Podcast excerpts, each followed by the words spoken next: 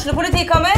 Ine Jansen er purk. Er du purk? The motherfucking bitch. Alt jeg vil, er å finne ut hva som skjedde med mannen min. Jon Carew. Er jeg sikta for noe? Iben Akeli. Det er du. Ole So, Lars Berrum og Big Daddy Karsten. Hvem sin side er du på, egentlig? Anette Hoff, Tone Danielsen, Kommer du fra Afrika?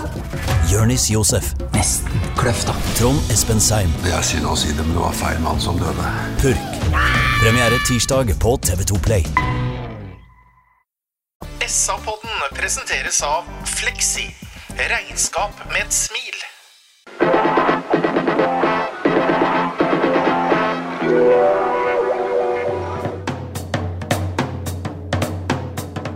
Sarpsborg Arbeiderblad gir deg en ny episode av SA-podden med Sven René Nygård, Øystein Weber, Petter Kalnes og Bjørn Inge Bingen Nilsen. Hjertelig velkommen til eh, SA-podden etter at eh, Molde har eh, knust Sarpsborg 8 på Sarpsborg stadion. Her sitter tre som er gjennomfrosne fordi vi var på stadion. Bingen, du valgte å se den hjemme i dag. Ja. Du, du er ikke så kald, men hva var hovedinntrykket ditt? Hovedinntrykket var, var jo selvfølgelig en skuffelse i forhold til attituden til eh, 08-spillerne med noen få unntak i forhold til at det her kunne være noen av dem sine, sin, sin, sin siste kamp. Så syns jeg dem eh, spilte som og visste at de nesten ikke kunne komme fort nok ut av stadion i forhold til å pakke sakene sine og bare dra opp til eh, Bodø-Glimt og bli ferdig, eller til Bodø og bli ferdig med det. For jeg syns det var eh, en forferdelig innstilling til kamp fra enkelte spillere, og hva f.eks. Eh, nå skal jo ikke Jeppe Andersen gi seg, men eh, om vi kommer noe, om vi styrker, eh, styrker laget vårt med en Jeppe Andersen, om det skal være framtida vår, eh, det vet jeg neimen ikke, for det har vært den største skuffelsen min. Og, men Pascal Lundqvist, hva i himmelens navn er han tror for noe? Kom deg for faen av gårde til AIK, da, hvis at ikke du syns det er noe gøy å spille fotball lenger. For det, det han viste ut på banen i dag, da kunne han like godt blitt i garderoben, altså. Det er så skremmende svakt, så jeg blir så provosert når jeg, jeg merker når jeg snakker om det nå. Nå var jeg rolig når jeg kom hit, jeg satt hjemme og sett på det. Men det, jeg blir så provosert at det er profesjonelle spillere som trar den drakta over hodet og presterer så forbanna dårlig som de gjør foran et par tusen mennesker på Sarpsborg stadion i minus fem kuldegrader i dag. Fytti helvete, skulle fått så øra hadde hengt, altså. Rene ord for pengene der fra Bjørn Inge Binge Nilsen. Eh, I tillegg så sitter altså Sven René Nygård her. Øystein Beberg sitter her. Jeg heter fortsatt eh, Petter Kalnes. Og eh, jeg kan hoppe til deg, Øystein. Har Binge rett? Ja, jeg syns Bingen kan jo innimellom uh, si mye rart, han, men jeg syns at han er noenlunde på planken nå. Uh, det heter jo ofte at eh, det kan være kaldt og surt, men at det spiller varme her. Vi fikk ikke noe varme der i dag. Eh, Det er mange. eh, Det er, det er, ikke, det er ikke noe poeng å egentlig sage noen sånne veldig få enkelte. Det er, det er mer sånn kollektivt. Og så beviser vel egentlig igjen Niklas Sandberg at han skal spille på dette laget her. Han skal ikke, skal ikke være benkeslider, han. Sven eh, Bjørn Inge Binge Nilsen peker på profesjonalitet, eller mangel på det. Eh, Vi så klar forskjell i, i holdning og det Erik Hamren ville kalt attitude mellom Molde og Sarpsborg 8. Ja, herregud, jeg tok jo opp det på intervjuet sjøl. Det, det er jo ikke bra nok. Jeg spurte jo Berg om det òg, men han, spillerne er ikke enig i det, vet du. Selv om du snakker om kameratene deres utpå. Det er liksom ikke det er dem sjøl du tar opp. Men det er jo altfor dårlig. Men så kan du jo eh, si at det drar til helvete og alt er for dårlig, sånn som Bingen gjør, og det kan jeg støtte 100 men vi, vi må jo ikke glemme noe oppi dette her. Altså, de har jo en, altså, nå skal jeg ta Bilmon litt, rann, fordi han er en trener som sitter og ser og vet at Pascal skal bort antakeligvis, og lar han få spille veldig lenge òg. Så han kunne jo bare ha satt et eksempel der i dag, for han gikk jo bare og dansa. Eh, I dag var det jo altså man sier Han har en X-faktor. Han har bevist det flere ganger. Har ikke skåra mye mål. Men i dag så var han jo liksom ikke interessert i å finne ut av X-faktoren sin engang, så han kunne jo egentlig vært bytta ut tidlig. Så jeg er helt enig med Bingen. Mange spillere der ute som Eller stort sett alle er under paret i mine øyne. Og så har vi han Anders Him. Som faktisk går ut der og prester det bra, og viser at han skal ha den venstre backplassen til året. Du sa jo fra første stund du så han på trening, eh, Bjørn at han, eh, han er spennende. Ja, og han, han beviser jo øh, Han er jo en voldsomt oppadgående gutt. Jeg hørte intervjuet du hadde med en, eh, Sven, eh, på SA-TV. Eh, Søren, altså. Jeg skjønner at han som ung spiller fikk kapteinspinnet i Sandnes Ulf. Det er virkelig en eh, for framtida, både på og utafor banen. Men tilbake til eh, profesjonal, profesjonaliteten i dag, da. Se til Se på eh, se, Og det er jo så stor forskjell. Se på Molde.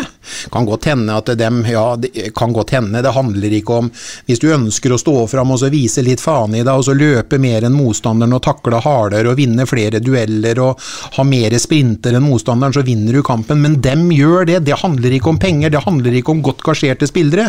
Det handler om å være profesjonelle i hverdagen og ta det ut i kamp på kampdagen. De skal ut i viktig kamp dem nå til helga, og de setter eh, eh, presentivt eh, i hvert fall tre av de fire på, på, beste på benken. Så spiller de med, med unggutter som kommer inn, som tar opp hansken, som skal vi, vise at vi ønsker å spille Europa til, til uka som kommer. Og de kommer hit, og de viser det. Se forskjell, altså, gutter. Ja, ja, ja. Da setter dere og se hele den elveren som var på banen i dag nede på Sarpsborg stadion.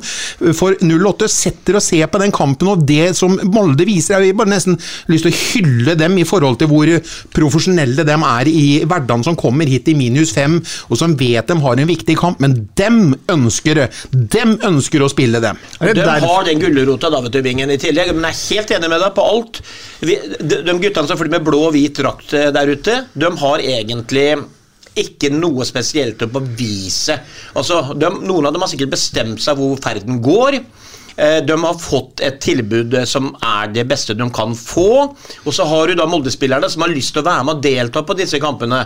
De har alt å bevise, ikke sant? For jeg skal spille mot Jeg vet ikke hvem de skal ut i Europa mot nå, men de har alle noe å spille for.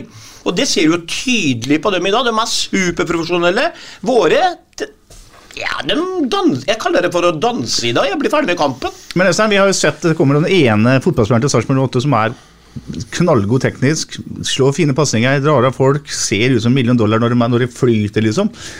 Men samtidig så er det et båndnivå der som er skremmende svakt, og også når det gjelder sånn der, rent sånn eh, holdningsmessig, da. For det er jo ingen utpå der i dag som, som virkelig tar tak i dette her. og, og Altså, Ingen er kanskje ikke å ta i, men hvem, hvem som gjør noe helhjerta forsøk på å snu det igjen der? Nei, jeg vil, jeg vil trekke fram en eventuelt til Niklas Sandberg da han kommer inn. Han syns jeg på en måte er et lyspunkt i dag. Eh, Men, men eh, jeg er helt enig, og dette illustrerer egentlig ganske godt det vi kanskje har snakka veldig mye om i år. Nemlig at vi har et altfor lavt laveste nivå. Og det har jo ødelagt for oss i år, naturligvis, for vi er jo nærme nå. Men det skal koste litt, altså. Det skal koste litt den 26. november i minus 5 kuldegrader. Det er ikke like enkelt da som det er i 18. juni i 23 varmegrader og sola skinner. Men, men, men det må vi kunne forvente. Det skal koste litt ekstra også på sånne dager som dette her. øh, vise seg fram. Og så er det en liten detalj til. Vi kan komme litt tilbake til det senere, Petter, men det store bildet i en klubb som 08 vil alltid være dette som heter økonomi.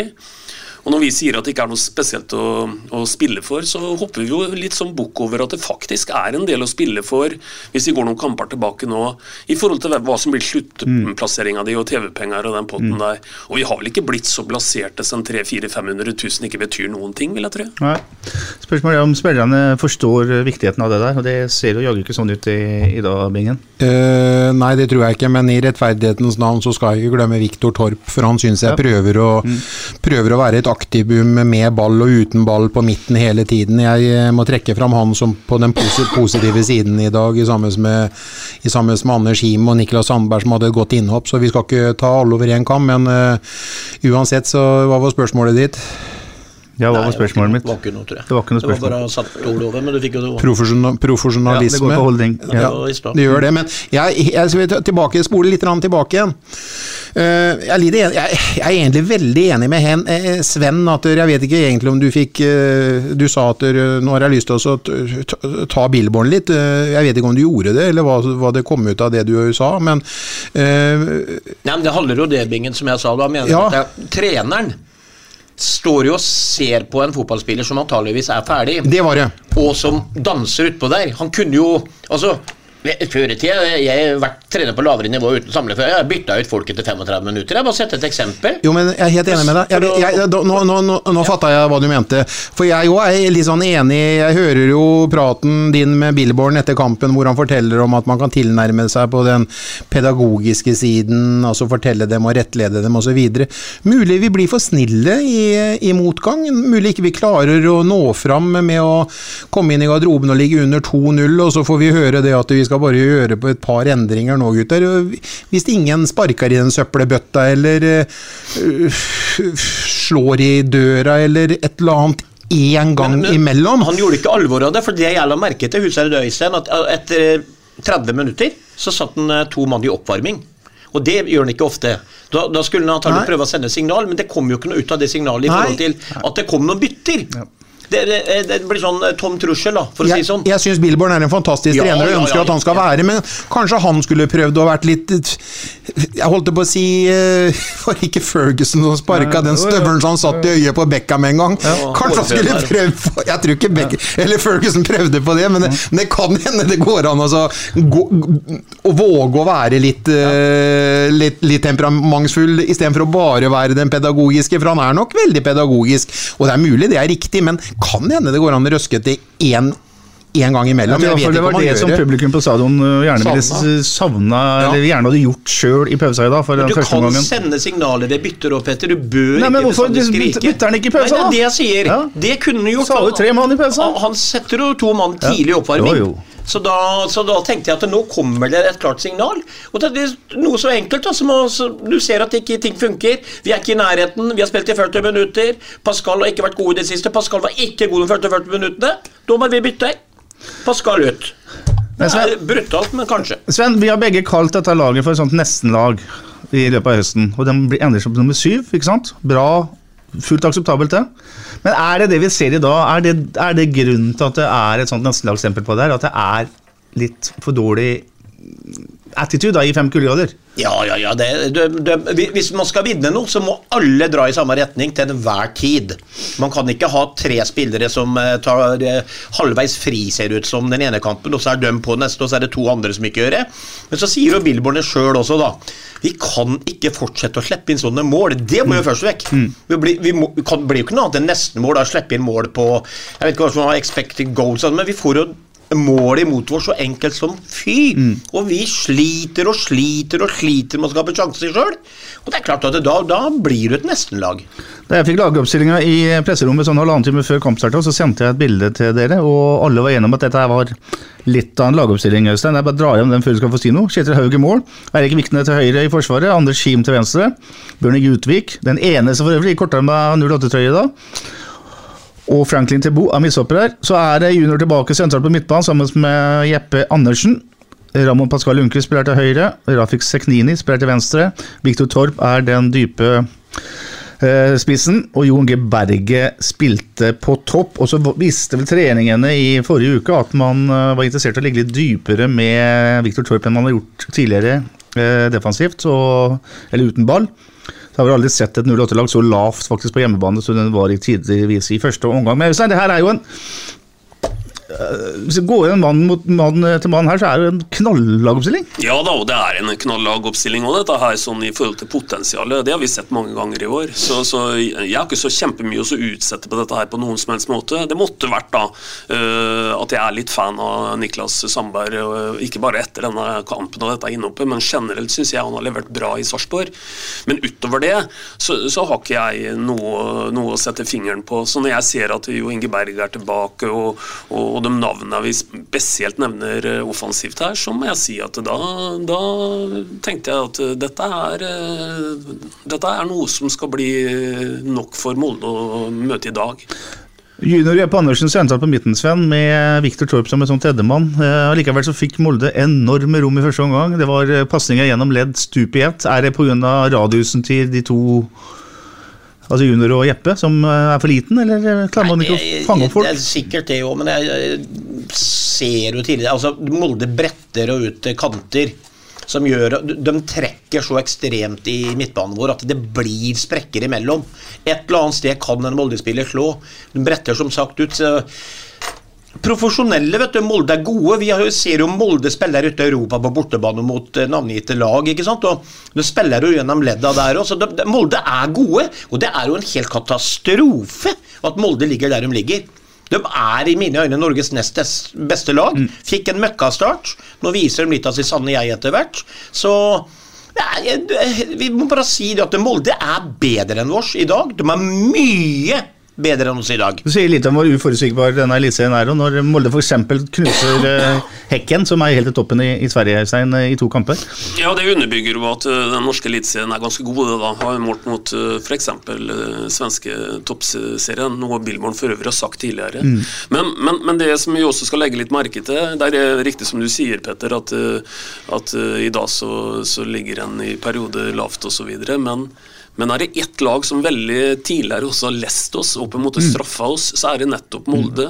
Det, det, det, som var veldig spesielt med å møte Molde på bortebane, det var at hvis du gikk inn tidlig i den kampen der og så på litt sånn ball possession og sånn, så var det så veldig tall egentlig i vår favør, men vi ble straffa når de kom. Mm. De, hadde altså, de hadde altså en styrke i, kvalitet. i Veldig kvalitet i alle ledd, og, og, og lå helt bevisst uh, litt mm. nede og, og bak bak for oss å kontre oss i, stykker, i stykker altså. Vi har allerede skrøt av uh, venstrebekk Anders Kimbingen. Uh, hva er det du er så er du forkjøla, Sven? eller? Ja, men er det ikke noe rart i det? vel? Jeg er jo fortsatt uh, islapper der nede, jo. Har jo nesten ofra livet på SAs regning i dag.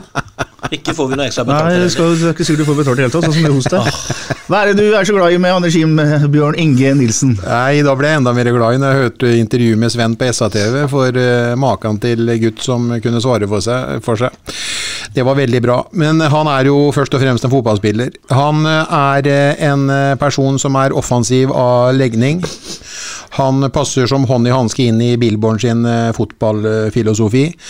Han Jeg snakka om det lave tyngdepunktet, mm. balansen, venstrebent, knikse litt i knea innover. Jeg sa tidlig at han minna meg om uh, han gamle landslagskapteinen til uh, nei, nei, ja, Både Graham Lesaux og han Philip Lahm har jeg egentlig trukket fram i forhold til sammenligning. Det er jo helt uh, Det er langt opp dit. Men uansett, du ser noe sånn Folungaktig over den i forhold til at det det potensialet hans, eh, det er det mulig å utvikle voldsomt og han kommer til å bli en veldig god spiller for oss, hvis ikke han blir så god at han skal selges igjen. Altså, vi har jo investert i en del, en del unggutter nå som vi håper at vi kan få salgspotensialet på. Det, og det er så, det som er så synd med å være 08-supporter, at når du blir god her, så skal du av gårde til en annen klubb, for å si det sånn. Eller så skal du spille ut eh, kontrakta di og ikke signere ny. Eh, og det er jo også dumt. Men jeg liker spillestilen hans, og så liker jeg klokskapen hans defensive, og så har han jo veldig flott uh, pasningsfot. Uh, han slår jo ikke noen Du ser jo ikke noen crossere på 40 som han ønsker ikke å utfordre det, men kort. Mm. Kortbanespillet hans er, eh, er, veldig bra. Det eneste du ikke har nevnt Bingen, og jeg er enig med alt det du sier, det er det at det som jeg syns er kulest med han, sånn som i dag, det er at han tør, vet du. Mm. Han tør ja. hele tida. Ja. Han drar ei finte baki der når han er under press og kommer seg forbi. Det er liksom ikke noe høye skuldre. Det er Han, han har jo en grunn til å være nervøs utpå der. Ja. Han er ung ung, han kommer fra et lavere nivå. Alt, alt er liksom gærent sånn sett. Men han går ut og bare tar opp hansken, og, så, så tør han å prøve på det vanskelig noen ganger, og offensivt. Og det er jo bare hylle. Hva vil du si om den defensive egenskapen hans, Én mot én og sånn, eh, mot en driblesterk eh, kant? Han har én ting som vil på en måte være hans litt sånn svøpe, da, og det er at han er en veldig kortvokst øh, mm. person. Og så et par ganger i dag hvor han blir utfordra i en duell i lufta. Da er han sjanseløs, naturligvis. Men han har jo det som er øh, superviktig i fotball. Øh, rappe ben. Stor motor, ikke minst. da. Jeg, jeg jeg er ikke helt der Sven og Bingen er i dag i forhold til energi, men jeg ser potensial inn, eh, jeg også. For han har en del av den der eh, moderne måten og Jeg har jo tidligere sagt at kanskje en av de viktigste vi burde ha fått resignert hvis det var mulig, det var Eirik Vikne. Det var litt av det samme her nå på motsatt kant i, i Him. for Uansett hvordan du snur og vender på det, så kommer hurtighet aldri til å gå ut på dato. Det blir viktigere og viktigere. Hadde du klona, det, hadde du klona dem to, så hadde du jo spilt venstreback på City da. Ja, det er jo sånn det er. Sånn det er. At uh, han er jo, hadde jo klona dem to, så farta til Vikne Vikne er jo ikke i nærheten av, av uh, fotballintelligensen til uh, Anders Him. Men uh, jeg skal være enig i det, at potensialet til Vikne er der pga. hurtighet. Men han er jo ikke i nærheten i fotballterminologien. Men så skal jeg si, jeg tror dessverre én ting akutt er at hvis du spiller i Sarpsborg 08 og under Billborn, sidebekkene til Sarpsborg 08 kommer for alltid, så lenge Billborn er her, til å ha mangler defensivt. De vil være meget gode offensivt mm. pga. tempo, pasningsføtter osv. Det går på bekostning av det defensive. For hvis vi hadde hatt en Anders Skimle eh, Vikne som en fantastisk førsteforsvarer, i tillegg til det de har nå, så hadde ikke de vært her heller, tror jeg. Mm. Nei, bra. Anders Kim er, eh, leverer en bra match mot uh, Molde.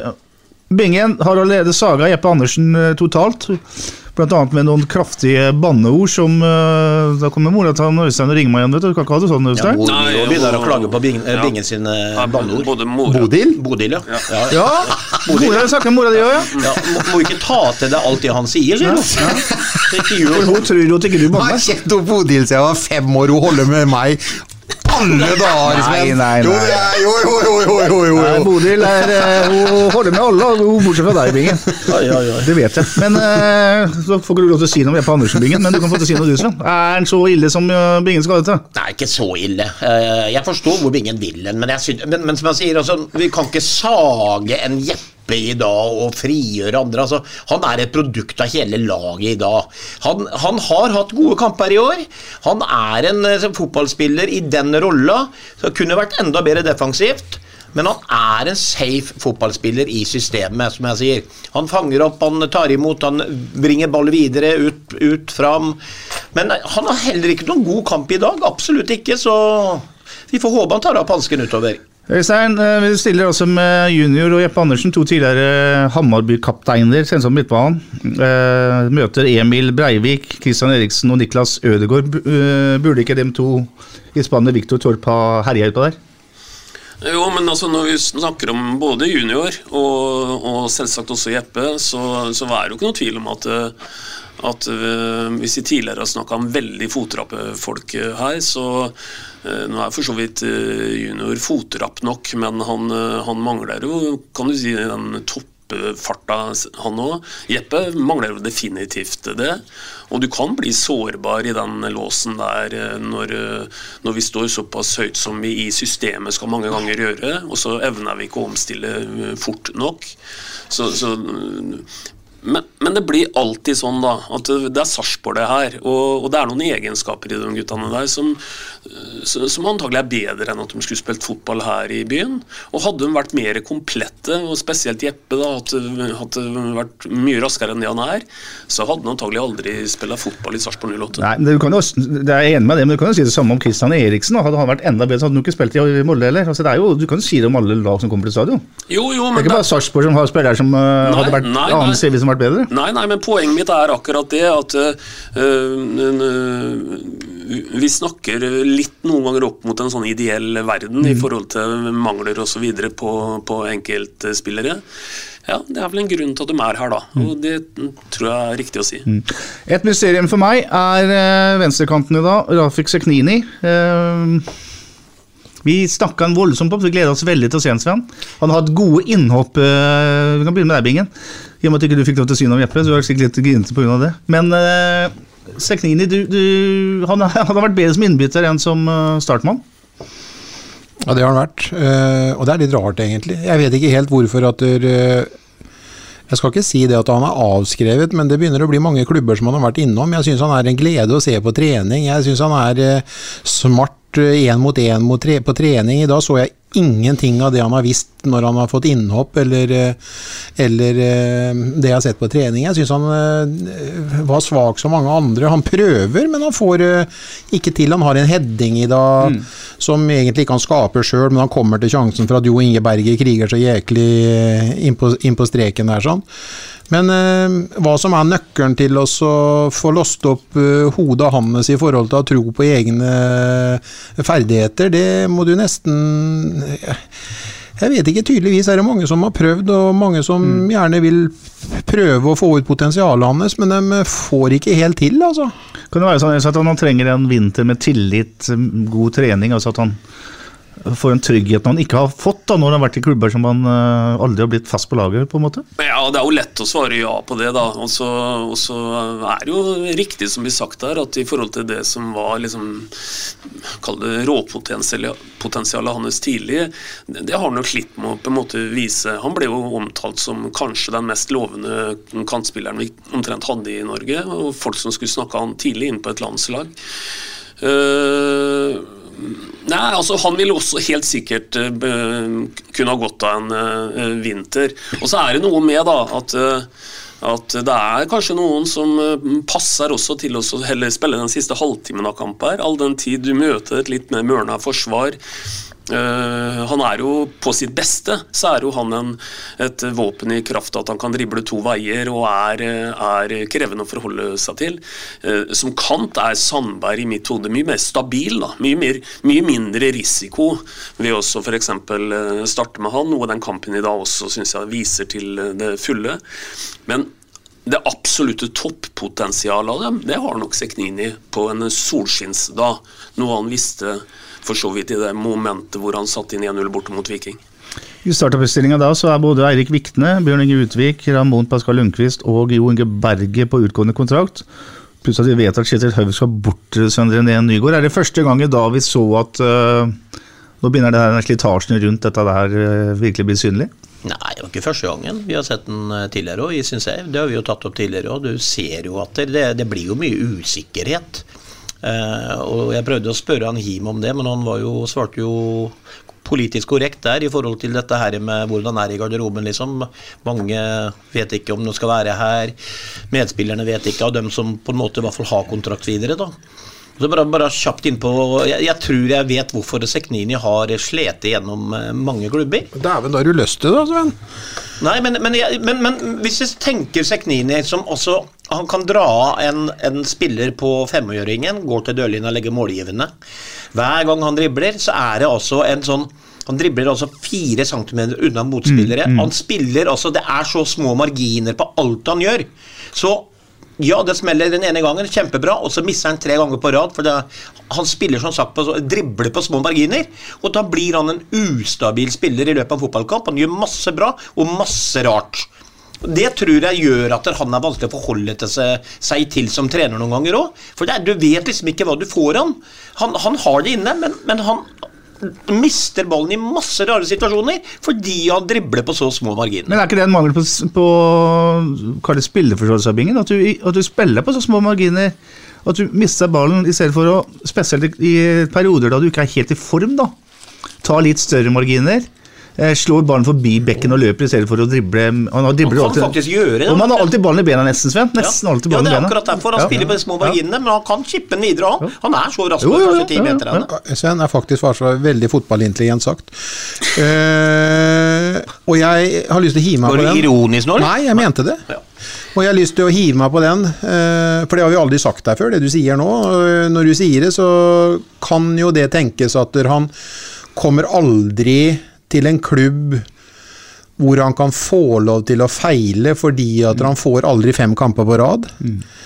Eh, han eh, er en sånn en type spiller Hvis han slutter å utfordre, da, og så bare vender hjem, så er han jo har han jo ingenting. Han kan bli hen- hende at han blir spilt opp av Viktor Torp i bakrom en heldig gang hvor han løper fra bekken sin og kommer inn og så passer eller setter han, for der er han ganske god når han kommer i de situasjonene.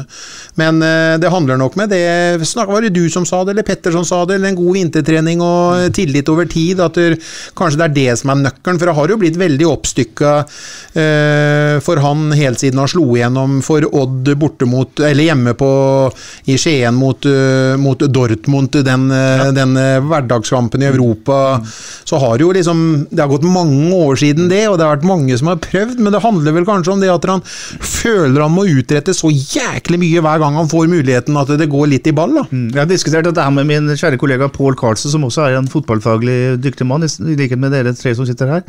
Han sier jo det, eller understreker at det er mange som har brukt litt tid på å komme seg inn i det Billborn-systemet. En Victor for eksempel, var jo ikke fantastisk i fjor, han. I år har han vært helt outstanding.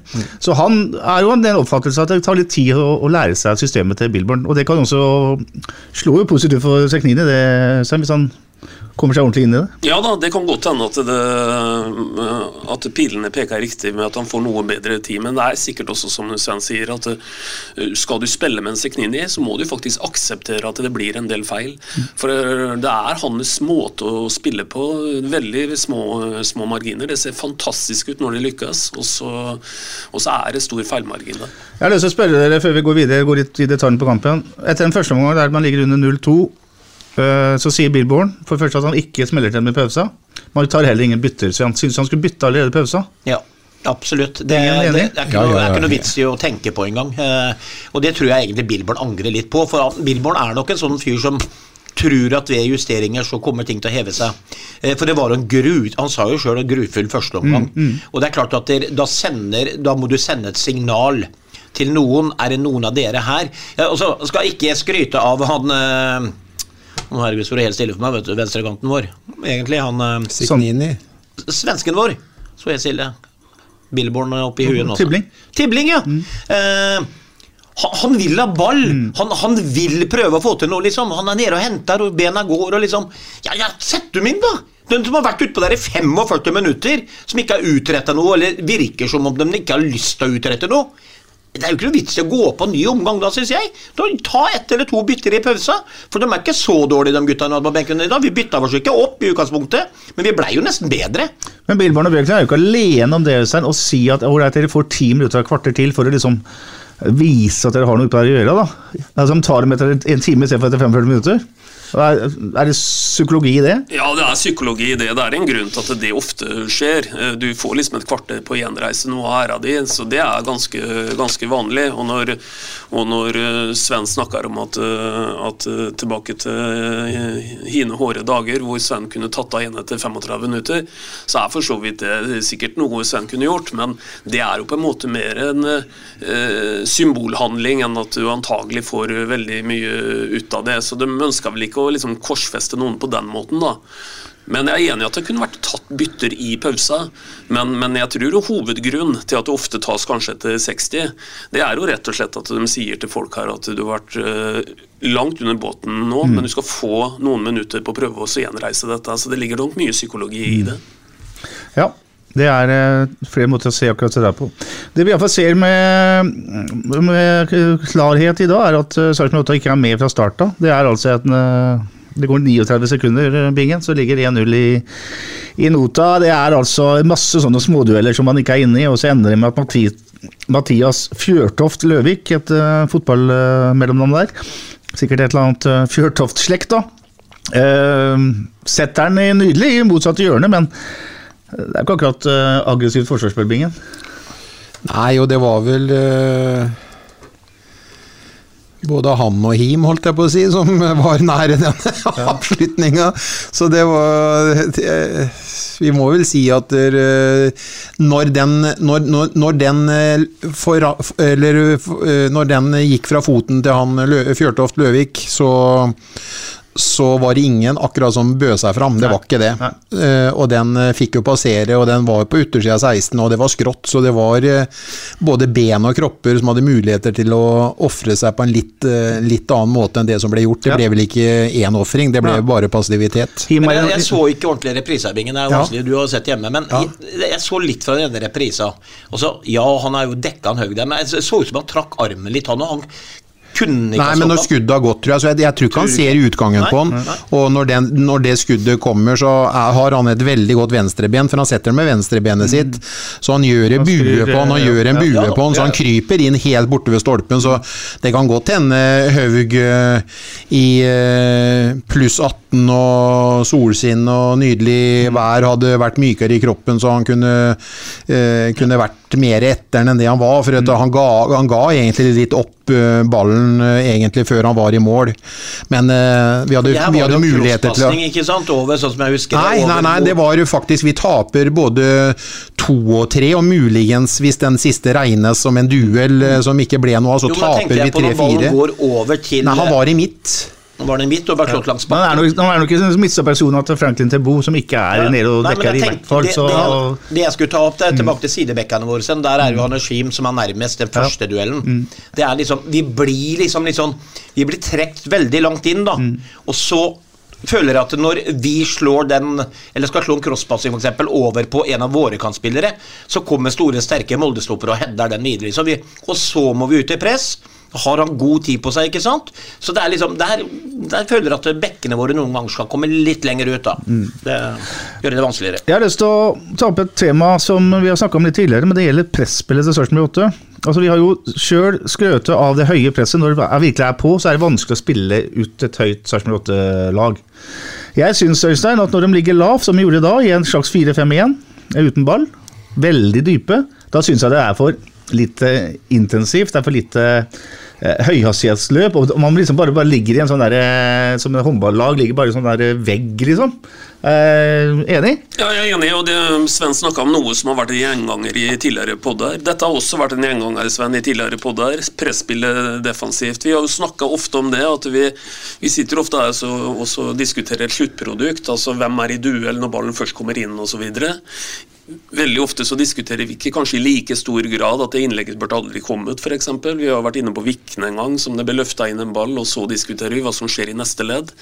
Generelt syns jeg du er inne på noe, på noe der, at det er eh, I hvert fall hvis vi skal tenke litt sånn, da. Hvis vi radbrekker det litt ned, og så tenker en hva er det som liksom skal gjøre dette nesten-laget? Og det, det er jo veldig positivt ment å kalle dette for et nesten-lag, for det er jo faktisk et nesten-lag til å virkelig slåss med de store. Da er det en av de tinga som vi inn i 2024 må, må ytterligere forbedre. Og Der har vi et stort, stort på det. Vi kan ta sånne eksempel som eh, Haugen på Molde, da. Venstre Mm. Eh, så kan du ta Anders Him. Anders er fremadstormende. Men bytt ut han med Vikne, da. Sammenlign han og Haugen, liksom. Altså Haugen han produserer målpoeng de luxe. Ikke bare med foten. Han gjør det på dødball eh, for. Han stanger ut alt i dødball mot. Og han taper ikke en én-til-én-duell i tillegg. Så han er altså bedre stort sett offensivt enn den beste bekken vår. Og så er han dobbelt så bra defensivt. Og da Der må det skje noe. Vi må bli bedre på de tingene der. Så blir vi det nesten-laget. Det er jeg nesten sikker Ja. Sven, akkurat når du sier den, så tar jeg av tabellen her sånn. Og det er, eh, det er heva med hver tvil, det du sier der, sånn, for at vi har sluppet inn 50 mål. Ja. Det er nesten helt utrolig at vi har klart å skaffe oss 41 poeng. Vi har sluppet inn 50 mål. Det er jo selvfølgelig altfor mye på 29 kamper. Tilbake til presspill, lavtliggende Sarpsborg 8-lag. Jeg mener at det, er en, det ser ut som det er en liksom falsk trygghet i laget, for de føler at de har kontroll, men de er ikke aggressive nok. Nei, men, Synes jeg. jeg, jeg, Vi kler ikke det, syns jeg. Men hvis du tenker en bakre firer Mm. de er jo, er jo, Når vi ligger lavt, så er jo de Mm. eh, stort sett i posisjoner. Så har du kanskje én og to eh, sentrale spillere som ligger foran der som en sånn en, uh, vifte. Men det sier seg liksom sjøl, hvis du ligger lavt, så byr du jo til eh, sjanser imot. Du byr til at man kan doble på kant. Du byr til at kan komme, motstanderen kan komme med mye innlegg. Og så har vi Tebo og Utvik. Ikke dårlig i det hele tatt duellmessig. Men så kan vi gå tilbake til Vikne og til Him, som da skal være inne i boksen og forsvare. Og da, da har vi jo 50% av de spillerne som taper de fleste hodedueller, blant annet. Så, så det er klart det er ikke lurt å by på for mye inn i boksen vår hvis vi har på en måte for dårlige duellspillere. Men Tebo og Utvik er gode, men tilbake igjen, ta for han der Haugen. Han er en av de guttene der, sånn, så, får du, så setter de jo inn han Hagelsjø på andre bekken der. Det, det er bekkene som skal forsvare egen boks. Og tenk deg det forsvaret der i forhold til forsvaret vi har med våre sidebekker. Så da kan du ikke la motstanderen få lov til å skape mer enn nødvendig. Da er det nesten bedre at vi bare peiser oppover og får dømt tilbake på banen. Heter hele grunnen, eller forklaringa her lønnsbudsjettet? Øystein? Ja, altså mm, Det gjør jo for så vidt hvis du med det skal koble det mot oss og hente fra eh, enda høyere hylle. Naturligvis. Mm. Men som vi sikkert kan snakke litt mer om inngående på et senere tidspunkt, så, så, har jo vi tøya den striken og plukka den opp på en hylle som, eh, som er såpass høy som eh, vi med rimelighet kan plukke på. Og noe, noe høyere og noe dyrere, det, det er antagelig ikke forsvarlig. Nei, vi skal snakke litt mer om det i overtida vår etterpå. Førsteomgangen er uh, ufattelig sjansefattig. Uh, Molde skårer altså etter snaut 40 sekunder og har full kontroll. Det Sarpsborg har et par overgangsmuligheter. Både Torp og Pascal Lundqvist kan med litt mer presisjon skape 100 %-sjanser, bl.a. for Jo Inge Berge, men det var kampen der man ikke var uh, presise i de overgangene. Og Så kommer sjansene etter 33 minutter, som uh, vår venn Bingen Nilsen allerede har nevnt. Det er uh, sånn at uh, en forferdelig klarering i forsvaret til Molde går rett til værs. Det er han Øyvan heter han vel, Kasper Øyvan, nummer tre. Så sparker ballen ned til lufta, og så går Berget i duell med keeper Oliver Petersen. og Der viser Berget at han er smart og, og han er erfaren, for han lager ikke noen frispark. Så ballen spretter, og uh, Seknini har vel to meter fra målstreken, men setter den likevel i tverrliggeren med huet, Øystein. Det er en svær sjanse. Ja, den er svær, men det som er artig der, er jo at, at Berget viser at han har vært ute en vinter da før, og, og se hvor, hvor lur han er i den situasjonen der. For den ballen, den den går ikke sånn helt rett opp og ned, det er litt sånn bue på den. Og det egentlig Berget gjør, er nesten egentlig å stelle seg der hvor keeper egentlig ideelt sett skal stå for å, så, mm. for å så fakke igjen. Så han, han, eh, med fasit i hånd, han lager jo ikke noe frispark engang, men jaggu blir det en svær sjanse ut av det. Tror du at det har blitt varmat, eh, Bingen? Eh, Angrep på keeper der? Jeg, jeg så noe reprise, for jeg reagerte faktisk på at ikke han blåste ja. første gangen han gikk i kroppen på han. Uh, og så den i reprise. Jeg tenkte på det, hadde, vi, hadde Seknini satt den, så hadde helt sikkert det blitt var og annullert. Tenkte jeg. Det er ikke sikkert det skulle blitt sånn. Ja, og jeg som er så glad i var fra før hadde de, hadde de blåst på den der, ja. da, da, kan, da, kan, man lage enda en ny regel i fotballverden At man ikke har lov til å være nærmere enn en meter på keeper eller noe sånt noe. Fordi at eh, Han står jo bare og går i veien for uh, han keeperen. Keeperen må jo finne seg et sted å gå. Du må jo ha lov til å stå der. Ja, så, for uh, City Manchester United Manchester uh, City Liverpool på lørdagskvelden. Ja, synes jeg, jeg syns den er litt annerledes. For uh, den er også tynn. Den diskuterte den jo i går, den annulleringa der. Mm. Men det går an å diskutere der, det er at det, er at det blir lagt en lita hånd på, mm. på skuldra til keeper, som kanskje gjør at han blir noe hindra. Og det gjør du naturligvis hvis du har en lita hånd på, mm. på skuldra. Her er det noe annet, egentlig. Her føler jeg, i hvert fall når jeg bare har sett én reprise, da, må understreke det, men i mitt hode så er Berget kun lur i den situasjonen der. Jeg syns ikke det er verken varmat og enda mindre en annullert skåring, hvis det er det som hadde blitt konsekvensen av det. Og den gamle keeperen Bingen, som også er sønnen til far sin forsvarer keeperen, er jo ikke noen bombesvenn. Nei, det er ikke det, men Bingen han hadde, han hadde ikke blitt uh, holdt på å si døtta vekk sånn, han hadde bare gått over den. Ja, det, ikke sant? Så hadde blitt straffe imot, tenker jeg. Ja, ikke sant. Det var straffe imot, faktisk. Selv om det hadde blitt mål. Det er interessant. Eh, det skjer jo det, da, selvfølgelig, at eh, helt på tampen av omgangen så har eh, Berisha en fin kontring. Og der er jo junior våken. Han løper uh, løperen opp. Der er junior god. Det er det noe av det jeg liker aller best med junior. At han tar den der dype returløpa. Men han lager et frispark da på ja, skal vi si det er 17-18 meter, da, litt til høyre eller altså til venstre for uh, Kjetil Haug. da. Uh, Bingen uh, For jeg bare eh, stille det spørsmålet du antagelig har tenkt å stille, så kan du bygge under etterpå. Så jeg kan ikke få Hva, hva gjør jeg på meg? Får ikke stille spørsmål. Veberg stiller det spørsmålet. Snakkes. Ja. På det frisparkebingene, du er jo den som er utdanna som keeper her, ja. så, så, står jo Haugen, som for øvrig ikke går an å rose mer enn vi har rosa, kan kjøre på enda mer, egentlig. Han er jo en fantastisk back, og et fantastisk skudd, det viser noe der. Men vi sitter jo litt og snakker om det at det er jo bare ett hjørne han setter den i, og det er det hjørnet han setter den i. Eh, da underforstått kunne keeper lukte at den skal komme i det hjørnet. Men eh, jeg har en oppfølging til det. for Emil eh, Breivik står også på oppstilling. Det står en høyrebent og en venstrebent der. Helt riktig. Ja. Og hvis de skal overlate det frisparket til Emil Bjerke, Emil Breivik, ja. så kan de bli løfta motsatt Ja, for du vet jo, du har jo egentlig ikke noe alternativ som keeper før altså, Du må jo la muren ta ett hjørne, og så, ja. så tar du og så satser på at det er den venstrebente som kommer. Ja. Og da har han bestemt seg for at han skal ta det andre hjørnet sjøl. Men jeg har lyst til å ta med Ja, så For å oppsummere den situasjonen der, så er de klokkerene på at det er Haugen som skal ta frisparket, men de sier i taktikkoppspillet Ja. her. Du, Emil, du spiller som at det er 50-50 hvem av dere som skal ta det. Ja. Bare av den grunn at vi har en litt større hjørne til han Haugen Ja. når frisparket kommer. Han tar jo, setter muren i det nærmeste hjørnet sitt, for han antar at det er han som skal ta det med venstrebena, han Haugen, som for øvrig utfører det helt til tier. Eh, men eh, og, og han tar jo det lengste hjørnet sjøl. Noen kunne sagt det at ja, man skulle jo tatt det nærmeste hjørnet sjøl og støtt muren an- eh, i det lengste, men da kan du banne på at han Haugen hadde satt den eh, i det lengste òg. Du, du, du er vanskelig å gardere seg mot så gode frisparkføtter, men han tar et valg. Han tror, og han er- stoler 100% på at det er eh, Haugen som skal ta frisparket. Bare jeg må si en Ja, jeg, må, jeg må, jeg må bare skryte av Weber, for han tok jo over det spørsmålet fra deg. Han var Ja, veldig si, kort og konkret. si. Maken til Kort å slå inn en åpen dør, da. Har du, har, du, har du noen gang sett et frispark fra 16 meter hvor ikke det står et høyrebein og et venstreben? Her På Gråvollen på 80-tallet så gjorde vi det Her skal. Weber stille spørsmål til Bingen også, om keeperen står, kunne stått annerledes. Ja. Og da fortalte han egentlig en helt fotballanalyse. Ja, og, oi, det står både høyre og venstreben på et frispark. 2.30 tok det spørsmålet. Ja. Dette var vel egentlig strengt tatt like lenge som langversjonen din om Granca. Nei, jeg er enig, det ble kanskje mye ord og lite innhold. Men det var interessant å se hvordan i hvert fall øh, Hvis du og jeg gjetter, da, før Ja. det frisparket kommer, Ja. så ser vi hvor det kommer hen. Ja, ja, ja, Eh, ikke sant? Vi er ganske ja, ja, sikre på ja. at det kommer i det hjørnet, og at det kommer av den avslutteren. Jeg registrerer at uh, dem som står i muren der, da, Ja. inkludert Pascal Lundqvist, Ja. som er ja, Du var irritert, jeg er irritert, jeg òg. Han gidder ikke å hoppe engang. Nei.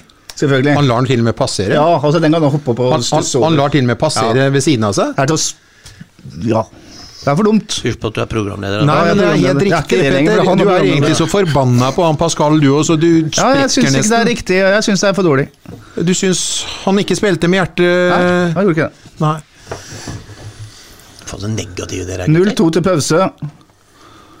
Uh, Jeppe får gult kort og har spilt sin siste kamp i år. Han uh, står over i Bodø. Ja. Til Bingens store glede. Det Nei, altså, det er sikkert en kjekk gutt, og Ja, ja, ja. glad, lykkelig familiefar, og, men det er jo ingen som kan si at det her uh, oppholdet hans her har vært uh, suksessfullt, da. Nei. Eh, Etter 48 minutter har Jo Inge Berge sin eneste avslutning på mål, tror jeg. Det er en uh, heading som er så løs at uh, selv Bingen Holdt jeg på å si med brukket arm. Du sto ikke Nei, hva er du sto i mål med solbriller for å ødelegge øyer? Ja. Ja, det, det, var- Den hadde tatt med brukket arm. Nei, men akkurat det med de der historiene her, gutta, det er bare sånn for galleri. Det, han, Nei, men, øh, øh, det det, var førstesida av SA-greier. I motsetning til dine historier, så er de her sanne, Sven, for jeg har skrevet Ja, fleste av dem. dem. det er jo sant, sier jeg jo. 49 minutter, så ja, Jeg vet ikke hva T-Bo driver med der, eller jeg, men iallfall så går et innlegg som går tvers over hele feltet. og Havner hos Niklas Sødegård som bare en unggutt. Som uh, skyter ballen i mål, da. Ja. Det ser så enkelt ut så det er til å ja. Neste. 56 minutter, tre bytter. Junior, Seknini og Vikne går ut. Og da, vet du, Petter, da skjer egentlig nesten det som er det kuleste sett med Sarpøyene i dag, som skjer. Da er det kaldt, da har vi fått 3-0, og da setter Fossefallet i gang og synger Optimist. Vi tror det går bra til sist. Ja. Så all kred til Fossefallet. Det var en perfekt tima låt. Helt enig, og resten av kampen brukte de også på å rakke ned på Fredrikstad, så det er helt nydelig å høre på. 56 minutter, som sagt. Junior ut, Tibling inn, Seknini ut, Sandberg inn, Vikne ut, Peter Reinhardsen inn. Så skyter Torp et skudd som keeper. Eh, Fakker som det var var sånn der dødball på skolen i gamle dager. Og så etter 68 minutter så går Berget ut, og Kristian Fardal oppsett inn. Har dere lyst til å si noe om uh, Jo Inge Bergets innsats? Jeg kan bare si at det er han som alle andre, men, men, men til hans forsvar, da. Jeg vet ikke hvor mange balltouch han hadde heller. Jeg, vi fant den ikke. Vi var ikke Vi hadde ikke trykk på motstander som vi pleier, og det var liksom eh, ja, Han blei grusomt alene der oppe, eh, følte jeg. Vi hadde ikke noe ettertrykk. Det var ikke sånn at du satt og venta at nå skjer det noe. Og de gangene som jeg sa til han Billborn etter kampen, de gangene vi kommer rundt i dag, som er mye færre ganger enn vi pleier å gjøre på Sarpsborg stadion, det er noen innlegg altså, så jeg, får vondt i der nede. Eh, det, er førsteforsvarer de treffer hver gang. Eller så går han bak mål, eller så gikk han på motsatt hjørneflagg. Og det er klart, da blir det ikke fotballmål. Ikke Og da, da, da syns ikke Berget, i hvert fall. Jeg vet ikke hva du mener med der nede, men hvis du får vondt der nede hvis du slår et dårlig innlegg, det synes jeg var veldig rart sagt. Ja, men det gjør vondt, er Det det er solgt 3574 billetter på Sarpsborg stadion. Hvor mange var på kampturer? Ca. to og et halvt, tenker jeg. Ja. For øvrig vondt der nede, gutter. Så det Kalle Halvorsson har gått verdenscup i Ruka i dag. faen meg, han forfrøs. Han har rett og slett forfrøs Kjønnsorganet sitt. deler. Ja. Men åssen går det med henne? Nei, han lå i varmebua med hele det svenske kvinnelaget. Oh, Så faen det- meg. Det var synlig? Det er julebordsesong, som dere skjønner. Vi har ikke julebord eller eh, julebord Hele damelandslaget som så på. Nei, den varma på tur. Sånn. Ja, nei, ja. Ferdig med det. Det beste situasjonen og eneste positive jeg klarer å trekke ut fra denne kampen i dag, er eh, 3-1-målet, eller 1-3-målet. For det første et fantastisk innlegg av Kristian Fardal Opseth, og så er det en lekker avslutning av Niklas Sandberg. eh. Ja, Veldig bra, og igjen Fardal får et målpoeng i dag. Han spiller jo ikke mer enn som du sier eh, 20 minutter. Eh, Men, eh, men eh, det var fortjent at det var, eh, at det var eh, Niklas Sandberg som fikk sette den. For han, han var, som hvert fall jeg mener, et positivt innhopp i en litt grå og kald eh, kveld. Ja, litt grå og kald kveld er vel også et understatement. Det er runda for øvrig. HamKam-Vålerenga 0-2. Vålerenga klarte altså med kniven på strupen, to sene mål. Så klarte Lillestrøm eh, faktisk ett poeng mot Odd etter å ha ligget under Jeg vil, jeg vil faktisk si det sånn, for jeg satt med iPaden på fanget, og han uh, unggutten som Bakke satte inn for tre kamper siden igjen, eller to kamper siden igjen, han, han var faktisk matchavgjørende, for på 0-0 så har han en fantastisk redning oppe på Briskebyen. Enhånd som forandrer retning to meter foran mål, som han klarer å få opp armen på. Og da, det er en null- Sjøeng, eller? Sjøeng, ja. Det er en 0-0, altså. Bra jobba av mannen som har mista de fleste garderober. Rosenborg taper 1-3 hjemme for Godset. Stabæk slår eh, Sandefjord Fotball 2-1 etter å ha skåra på straffespark. Det vil si en retur på straffespark på overtid. Ja, keeperen redder. Og Eh, Og han inn. Kabran eh, får returen sjøl Ja. igjen, og, og setter den inn. Og da ramler dem ut over gjerdet inne på, på Nadderud med faklene i hånda. Ja. Og, det, hvis du skal bli tatt for å blusse, så skjønner jeg ikke åssen det kommer til å Alle hadde to 500 mennesker fra Stabekk hadde to bluss hver i, i hele og ramla ut på Det ble helt røklagt! Det ble Den får sikkert, det får sikkert ikke noe straff. Tromsø er noen uh, hardinger. Den begynner 2-1 hjemme mot uh, Haugesund. Tabellen er eh, sånn at uh, Bodø-Glimt for lengst er mestere. Brann sølvplass på 61 poeng. Tromsø har 60, Viking 58 og Molde 50. Altså det er en eh, medaljekamp som eh, lever helt inn. Det er moro. Sarpsborg 8 blir eh, nummer syv. Det vil si det er bare to poeng mellom eh, 08 og Strømsgodset nå, så der er det fullt mulig at Godset kan gå forbi. Ja, det er to poeng ned, to poeng opp, men eh, sannsynligheten for at, eh, for at det blir Jeg kan jo ikke i hvert fall bli dårligere enn åtte, da. Nei. Nei. Vi blir bedre enn Rosenborg Man kan også gå forbi Lillesand, det er helt riktig det du sier, eh, Vi blir bedre enn Rosenborg i år. mister, er eh, mister, mister Veberg. Men i bånn, vet du. Stabæk har 29 poeng. Sandefjord har 28. Vålerenga har 28, og Ålesund er ferdig. Så her er det jo helt heftig. Så tar man også Haugesund på 30 poeng, da. Ja, for bare Så- å si litt om det der dramaet der. Det kan jo ikke skrives bedre av eh, Hitchcock. For nå spekulerer en jo i at eh, Sandefjord, som trenger poeng i siste kampen, de møter Lillestrøm, som mer eller mindre ikke har noe mer å spille for, og ikke akkurat elsker eh, enga. Hva kan det bety? Så har du altså Stabæk, som eh, vel møter Haugesund innbyrdes. Derfor er jo begge dem i høyeste grad med i det. Og Vålerenga spiller altså sin siste kamp mot et sølvjagende Tromsø på hjemmebane, og trenger antagelig å vinne. Så, så her lever det til siste slutt, og det ble om mulig enda tettere etter denne runda her. Å vinne, jeg vet ikke, de klarer seg i hvert fall ikke hvis de taper. Nei, per nå ligger jo Vålerenga på direkte nedrykk. Ja, så det er eh, veldig, Ja, det er, veldig tøft for det er Vålerenga. drama, Det er, er sånn. Men Eh, På en annen side så kunne de ikke gjøre noe mer enn å vinne i dag, selv om resultatene rundt dem spilte Nei, jo ikke, ikke med dem. Men enda sterkere av starttenkere, hvor spillerne det- i går gikk og la seg og gleda seg til å prøve å kvale til Eliteserien. Så møter de opp, så de har glemt å slå I på varmen. i forgårs gikk Forrige og la seg. jeg. Har ikke slått på varmen, og så ryker ut på Røk ut på varmen, faktisk! Ja, er, eh, 3-0 på varmen. Rød. 0-3 Tenk bare. deg det. 3-0 står det på Det står, ja. Ja. Han eh, lederen er vel allerede Markussen. Markussen. Eh, for øvrig så var eh, Sarpsborg, som jeg tror iallfall er Sarpsborgs største Vålerenga-fan, Ernst Aas, veldig bekymra for møtet med Tromsø i siste kampen. Og de har noe rett i, for Tromsø er bra. Det er jo enkelt og greit. Altså, hvis, ikke, hvis ikke de tar poeng, altså skulle de tape 1-0, så har de røkka ned. Det er, og de, de vet de skal gå ut på der. Vi må ha poeng, og du heter Vålerenga, og fy a meg.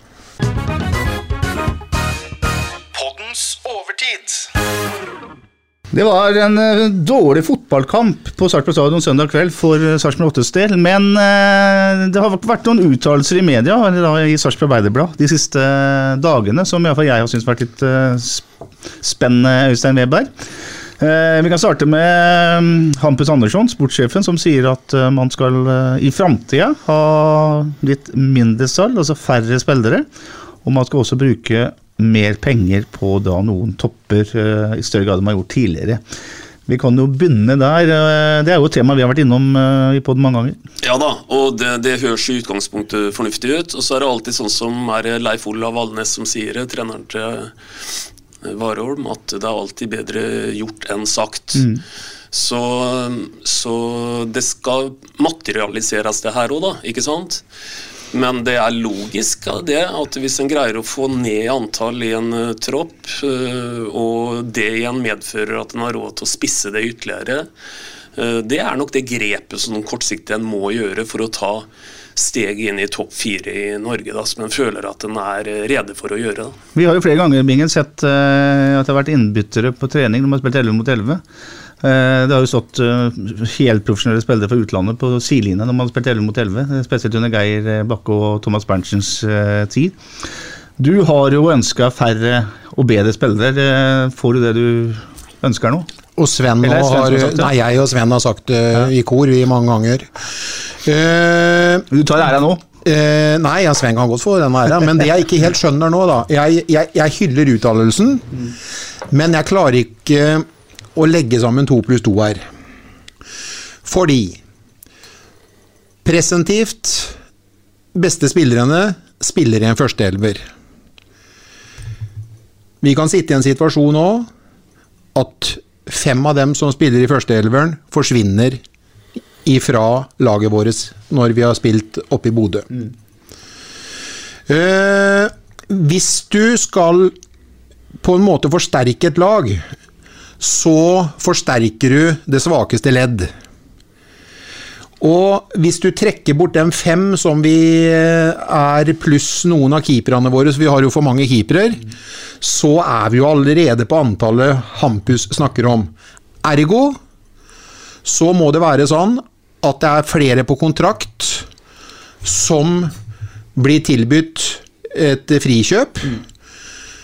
Eller så skjønner ikke jeg åssen kabalen skal gå opp. Det tror jeg du har rett i. Frikjøp eller utleie. Tror jeg du har rett i til andre klubber. Hvis de skal gjøre det her allerede neste år, som det jo antydes at de skal, Sven.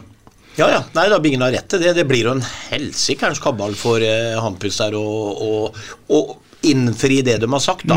Med å samtidig ta medalje, liksom. Så Men det, ha- Sven, det som eh, du som er fotballfaglig intelligent, som Bingen sa i stad, som for øvrig er helt riktig, noe av det klokeste Bingen har sagt på lenge for øvrig eh, Det regimet som eh, med den uttalelsen til Hampus Andersson da, på en måte er eh, lagt bak dem, altså det som Thomas Berntsen og Geir Bakke innførte i 2014-2015, altså når eh, Thomas kom i 2014, vel, Geir i 2015.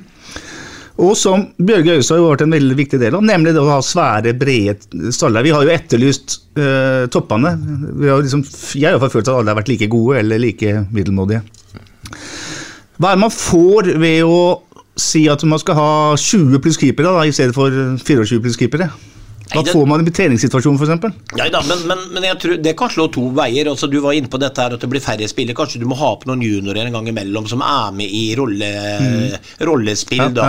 Eh, Og det, det tror jeg bare er sunt. Vi snakker om ungdommen, da får jo de også sjanse i treningshverdagen til å delta på det.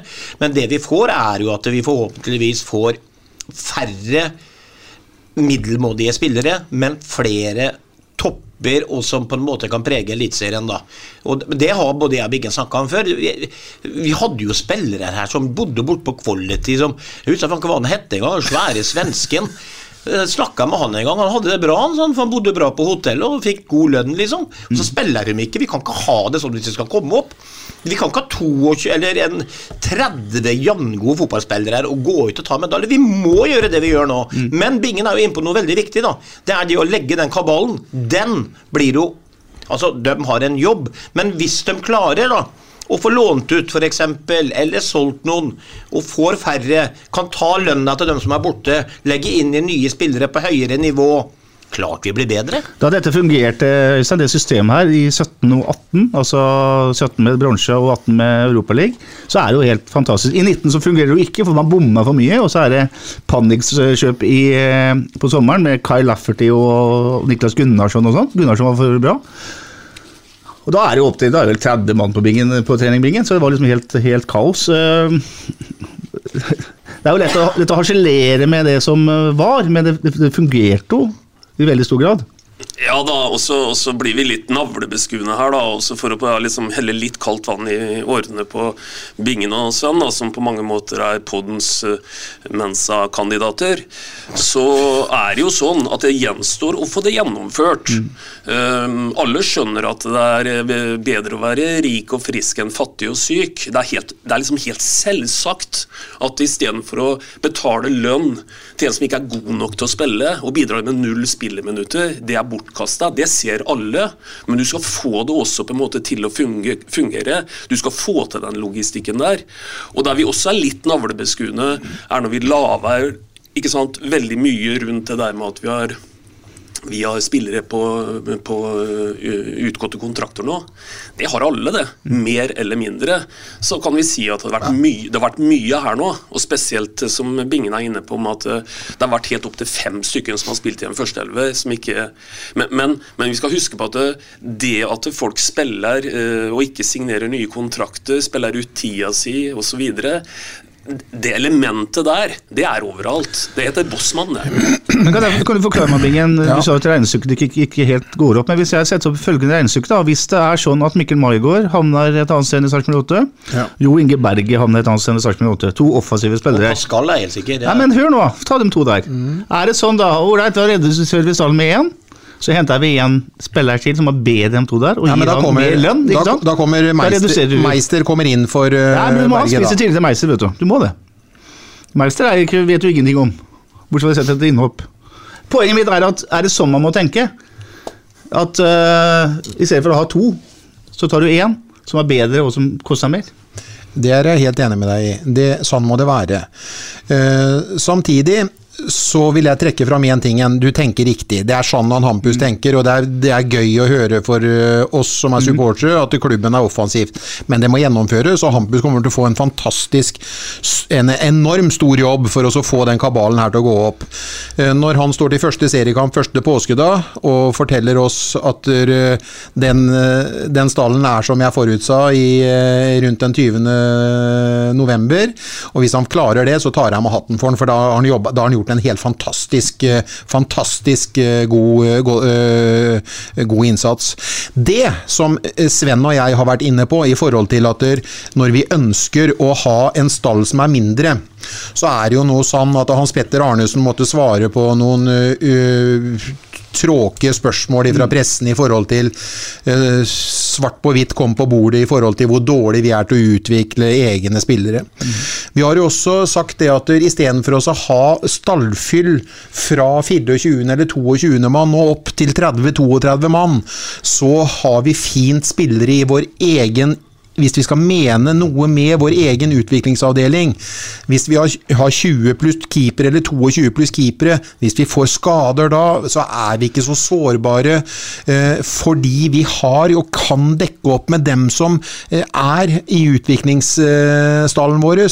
Og hvis ikke vi klarer å gi dem noen muligheter til en gang å få trene med A-laget, så vil det jo være sjanseløst i Sarpsborg 08 i framtiden. Ja, trening må du i hvert fall få lov til å delta ta på en gang imellom. Og som jeg Men det er sjelden, det, Sven. Ja, jeg vet det, men, men jeg, jeg ofrer jo heller den tanken på at vi må kanskje bruke noen juniorspillere på formasjonstrening, da. Oppimot altså at Kanskje det blir litt dårligere da enn hvis du har stallfylla der.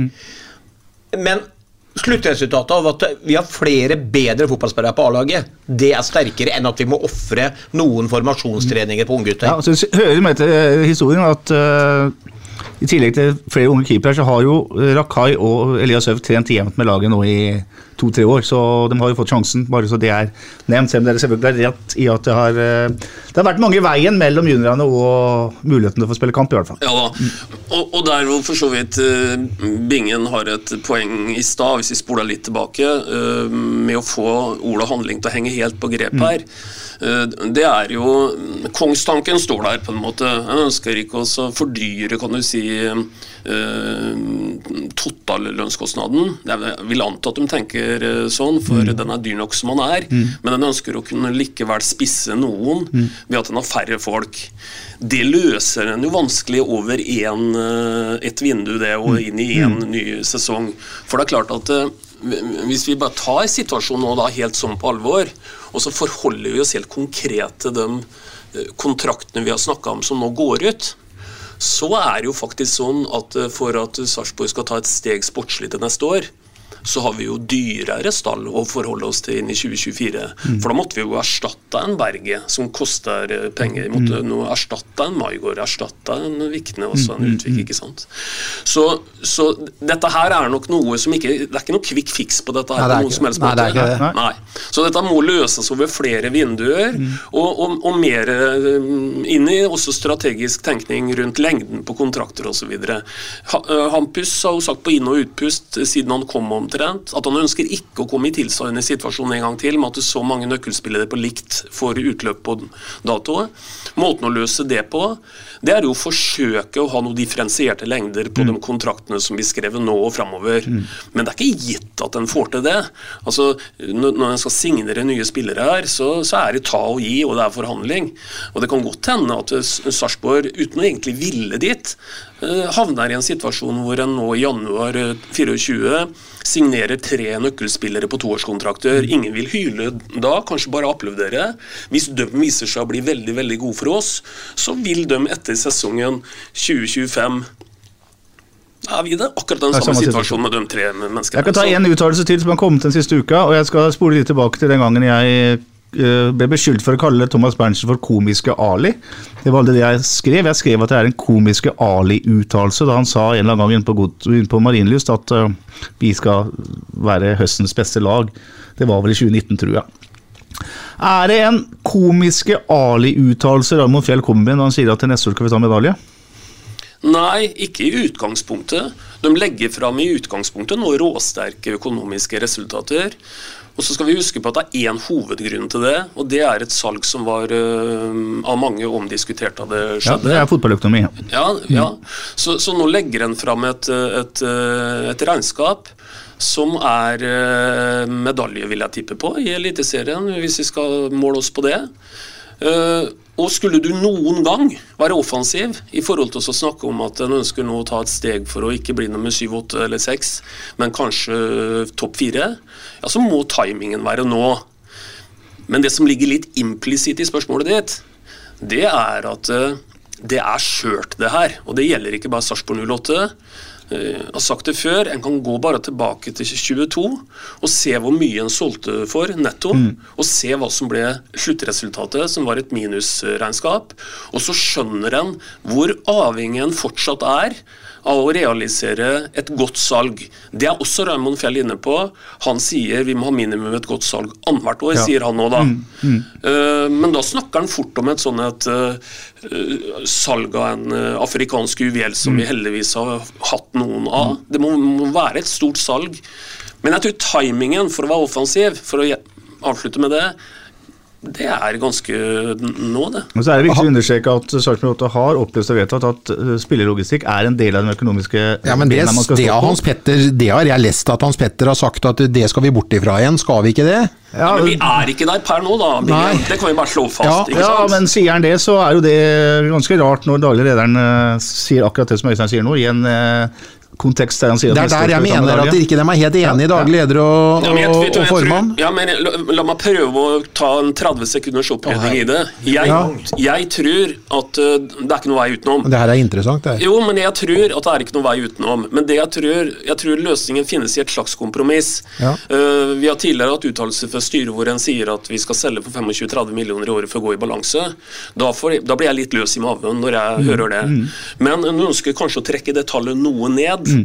så en ikke blir helt frigjort fra det, men at en ikke trenger å selge for frykt så mye.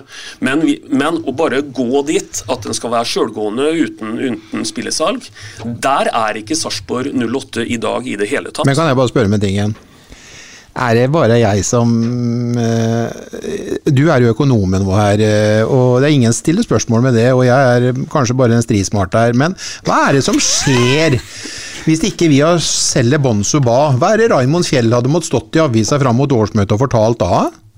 Nei, I forhold til re regnskap? Ja. men Dette kan jo gå bakover i tid og se tilsvarende. Vi solgte jo Strand Larsen og Kolibali og, og disse åra før osv.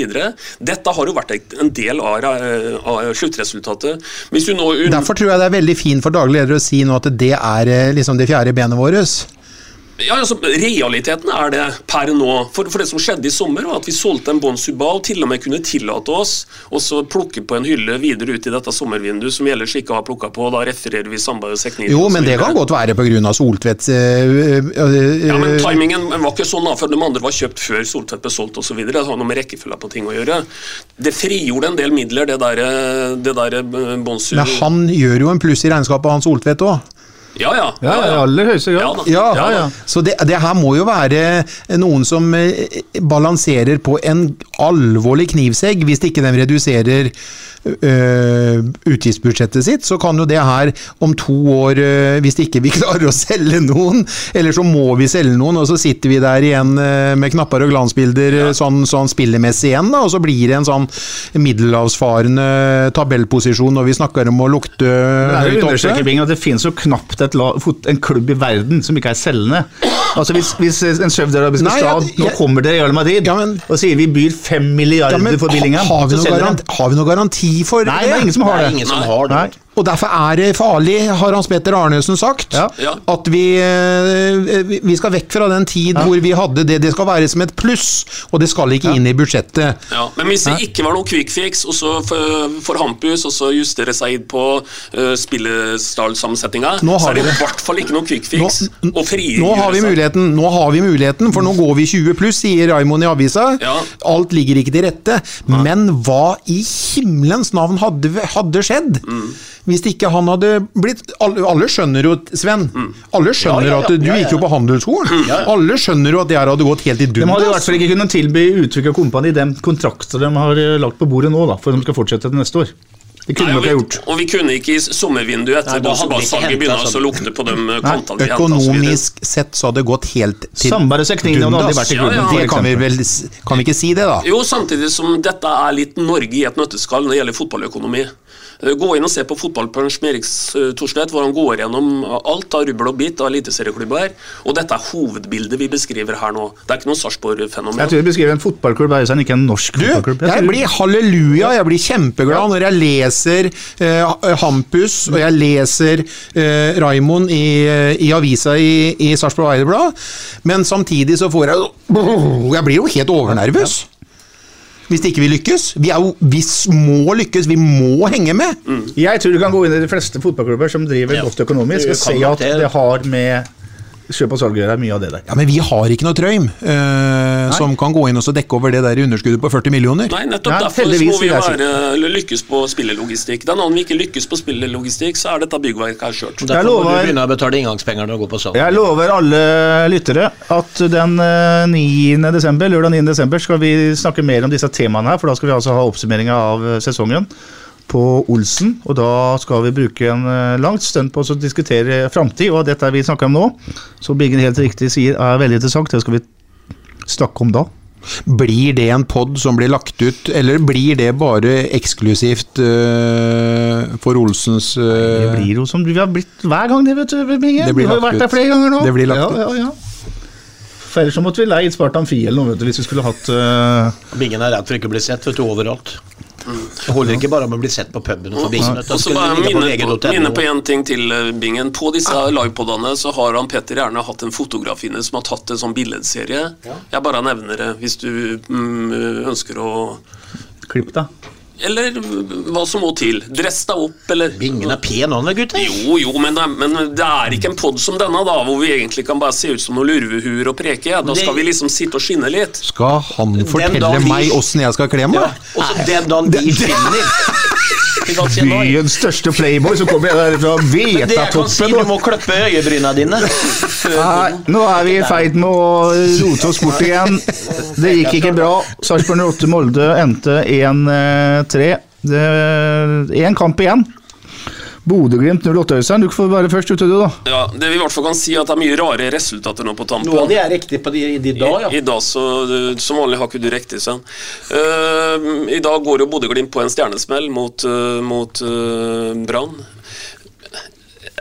Jeg har ennå ikke i år tippa at vi ryker, altså, så jeg har tippa med hjertet hele tida. Men jeg tror det blir veldig vanskelig å reise til Aspmyra og få med seg noe neste søndag. Så nå sier jeg rett og slett at jeg tror vi ryker 2-0.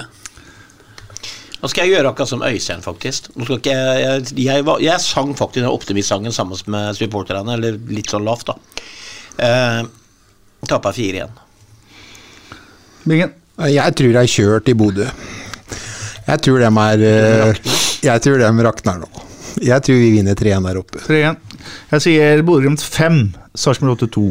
Beklager, men sånn går det. For det er luft der ute av det laget vi så i dag. Hvis ikke dere kan eh, Dere som gidder å høre på dette, her, spiller spillere, ta, så ta det litt i nakken, og så oppfører dere som om dere har litt stolthet når dere taper den blåhvite drakta. Sven. Og Det vis- etterlyser først og fremst i dag. Ja, det, er- det, men det er det enkleste å, å Ja. gjøre. Det er Ja. å gjøre så godt du kan. Ja, Og så er vi glad i dere likevel. Ja. Øystein Weberg er sliten etter en lang helg. Er du fornøyd? Jeg er fornøyd helga, og sender en liten hilsen til Øyvind Alsen, som hører på hver eneste Ja. pod. Flott, Øyvind. Fortsett med det. Øyvind og Hjørdis. Bra jobba, Weber. Bra jobba til Sven René Nygaard, som er litt rød i huet, men ellers uh, fornøyd Fornøyd? Jeg er jo ikke fornøyd. med helga, da, huet, totalt sett. Ja, ja den var veldig fin. Den var uh, Helt til klokka fem på søndagen. bra økter. Ja. Ja. Takk til deg, Bingen. Der, uh... Jeg, jeg henger ikke så mye sammen med dere, men jeg skjønner at dere har kjørt hardt. Vi har innleda julebordsesongen med julekulisissa trestemt. Takk for i dag. Snakkes. Ja, vi Snakkes, prekes. SA-podden presenteres av Fleksi. Regnskap med et smil. Ukens annonsør er HelloFresh. HelloFresh er verdens ledende matkasseleverandør og kan være redningen i en travel hverdag. Mange av oss har nok vandret i butikken både sultne og uten en plan for middagen, som ender med at vi går for de samme kjedelige rettene gang på gang. Middag burde være dagens høydepunkt. Som HelloFresh kan du nå velge mellom 25 ulike retter hver eneste uke, eller få HelloFresh til å sette sammen menyen for deg. Dette gir deg muligheten til å prøve nye og spennende retter alene eller sammen med familien. Du velger antall porsjoner og får alt levert på døren på et tidspunkt som passer for deg. Oppskriftene er enkle, og maten er lett å lage både for store og for små.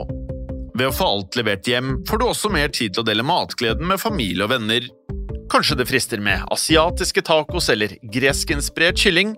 Da kan jeg anbefale deg om å gå inn på hellofresh.no. Her kan du bruke koden FOTBALL og få opptil 1779 kroner i rabatt på de første fem matkastene hvis du ikke har prøvd HelloFresh tidligere. Du kan også bruke rabatten hvis du har vært kunde og stoppet abonnementet ditt for tolv måneder siden eller lengre. Gå inn på hellofresh.no og bruk koden FOTBALL. Har du et enkeltpersonforetak eller en liten bedrift? Da er du sikkert lei av å høre meg snakke om hvor enkelt det er med kvitteringer og bilag i fiken, så vi eh, gir oss her, vi. Fordi vi liker enkelt. Fiken superenkelt regnskap.